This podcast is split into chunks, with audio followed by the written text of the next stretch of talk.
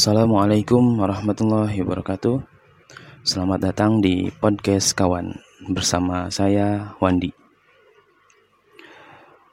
Hari ini kita akan membawakan kisah hijrah dari salah satu teman yang namanya minta disamarkan yang nantinya kita akan tahu bagaimana awal perjalanannya di dunia ribawiyah sampai akhirnya bisa menjemput hidayah dan mengambil keputusan untuk berhijrah. Nah, daripada panjang lebar, yuk kita dengarkan saja langsung kisah selengkapnya. Di tahun 2006, kurang lebih tepatnya, ketika itu aku masih duduk di bangku kuliah. Aku mulai bekerja di perusahaan leasing. Inilah awal mulanya aku menjadi tentara ribawiyah. Ada perasaan bangga dulu, karena belum kelar kuliah, tapi aku udah punya kerjaan, begitu pikirku. Ya walaupun kerjaannya jauh dari ilmu yang aku pelajari di bangku kuliah. Jika mengikuti alur ilmu, harusnya aku menjadi tenaga IT tentunya.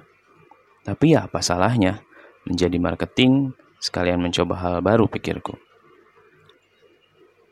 Kemudian singkat cerita setelah lulus kuliah, akhirnya aku bergabung dengan lembaga ribawiyah yang lumayan besar yang lingkupnya sudah nasional. Di perusahaan inilah aku bertemu dengan kawan, saya maksudnya. Di perusahaan ini kembali aku menjadi marketing.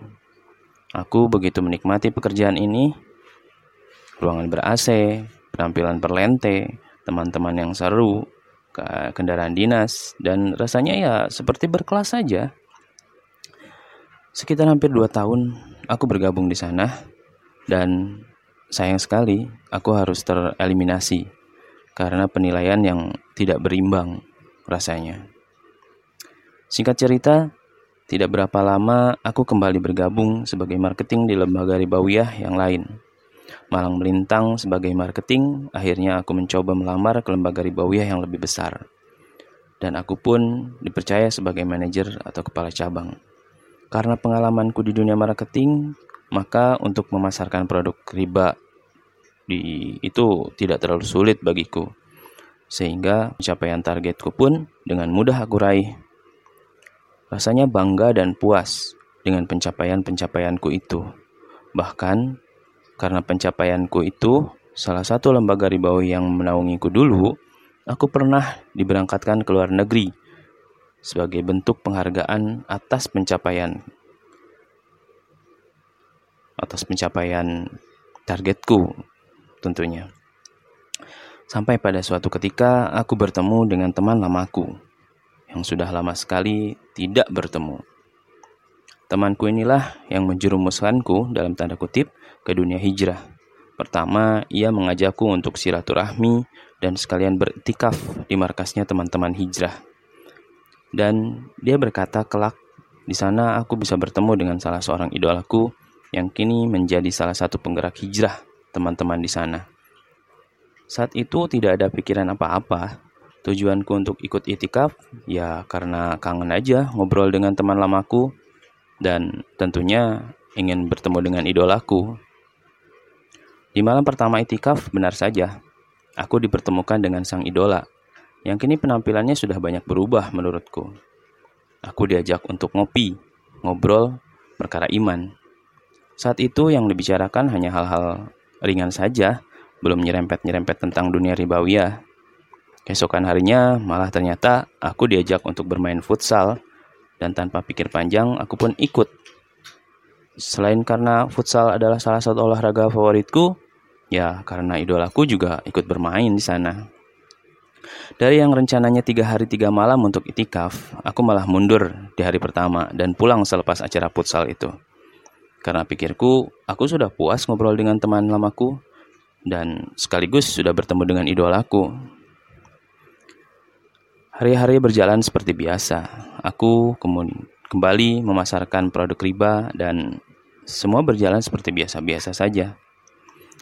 Kemudian tadi sangka suatu hari aku pun dikunjungi oleh temanku bersama idolaku dan salah satu penggerak hijrah lainnya ke kantorku. Seperti biasa, temanku ini kembali ngajak ngopi. Dan di ngopi episode kedua ini, mulai nyerempet-nyerempet tentang riba nih. Mereka sempat mengatakan bahwa kita ini sama, sama-sama marketing. Cuman bedanya, kamu marketing sesat yang berusaha menantang perang Allah dan Rasulnya, sedangkan kami marketing yang berusaha taat, yang menawarkan berita gembira dan menawarkan peringatan. Nah, tapi saat itu aku masih belum bergeming, aku hanya beranggapan bahwa ya udah, aku dapat kunjungan teman yang uh, lama tak ketemu dan ya udah alhamdulillah sudah dikunjungi.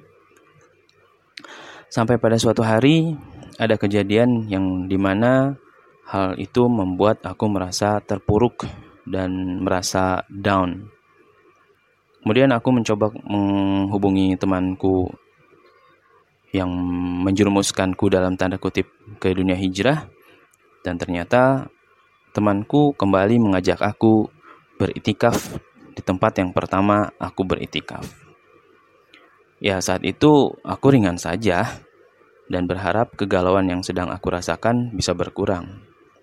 Dan di saat itikaf yang inilah aku mulai ngeh tentang dosa riba yang ternyata begitu mengerikan.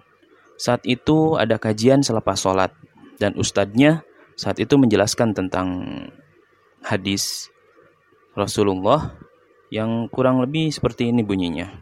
Bahwa riba itu ada 72 pintu dosa. Yang paling ringan adalah semisal dosa seseorang yang menjinahi ibu kandungnya sendiri. Nauzubillah min ya. Sedangkan riba yang paling besar adalah apabila seorang melanggar kehormatan saudaranya. Hadis riwayat atau berani katanya. Dari saat mendengar kajian itulah, aku mulai merasa semakin galau. Dan semua yang telah kukerjakan, aku merasa tertampar dengan kajian tadi. Dari sanalah mulai muncul niatan untuk berhijrah. Dan saat itu, aku mulai menceritakan niatanku kepada ibuku. Dan ibuku hanya mendukung apa yang kelak akan aku lakukan demi mendekatkan diri kepada Allah sahutnya. Kemudian aku kemukakan niatku pada istriku dan istriku malah berkata, ya segerakanlah niatmu. Aku merasa bahwa hidayah itu bukan untuk ditunggu, tapi hidayah itu memang untuk dikejar. Namun, niatan hijrahku masih setengah-setengah dan aku hitung-hitung saat itu.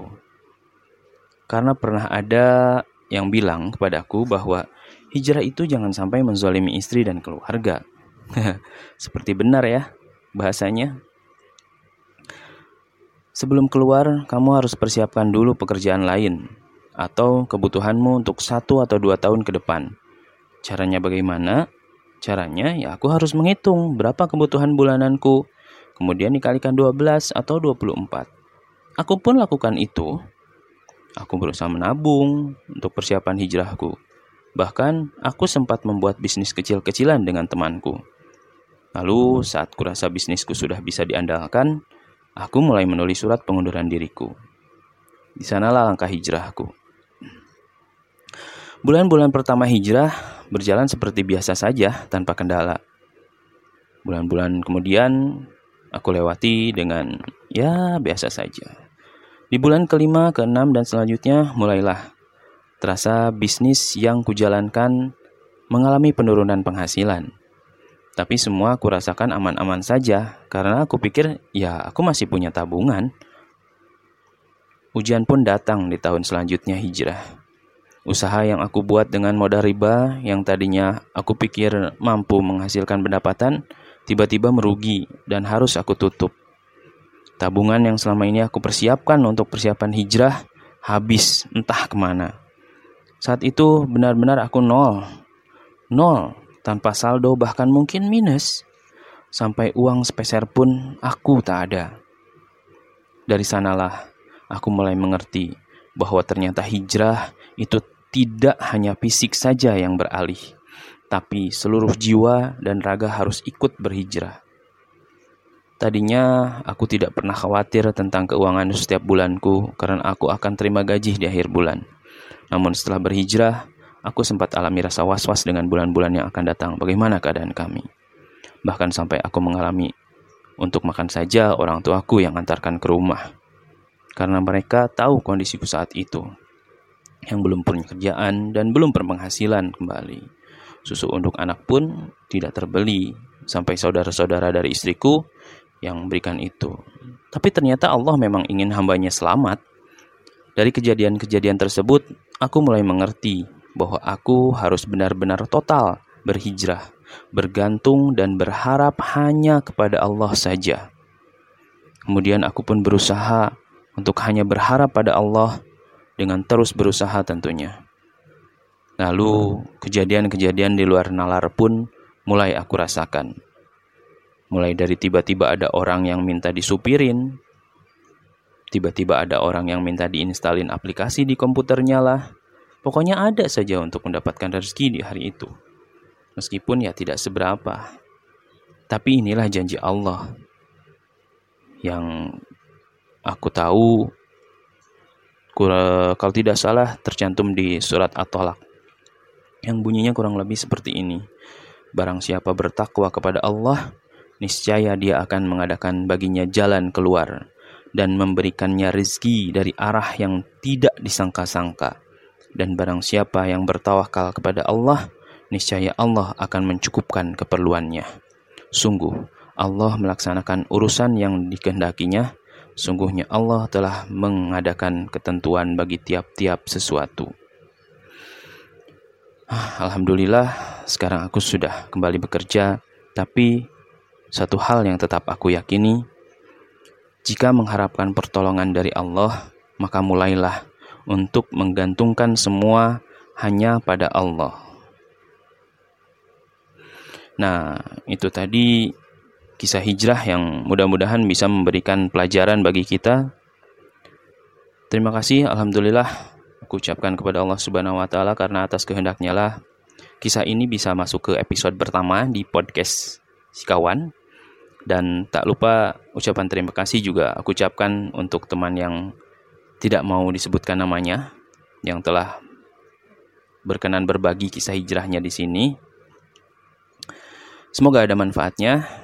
Sampai jumpa kembali di episode-episode selanjutnya. Mohon maaf jika ada salah-salah kata. Akhir kata, wassalamualaikum warahmatullahi wabarakatuh.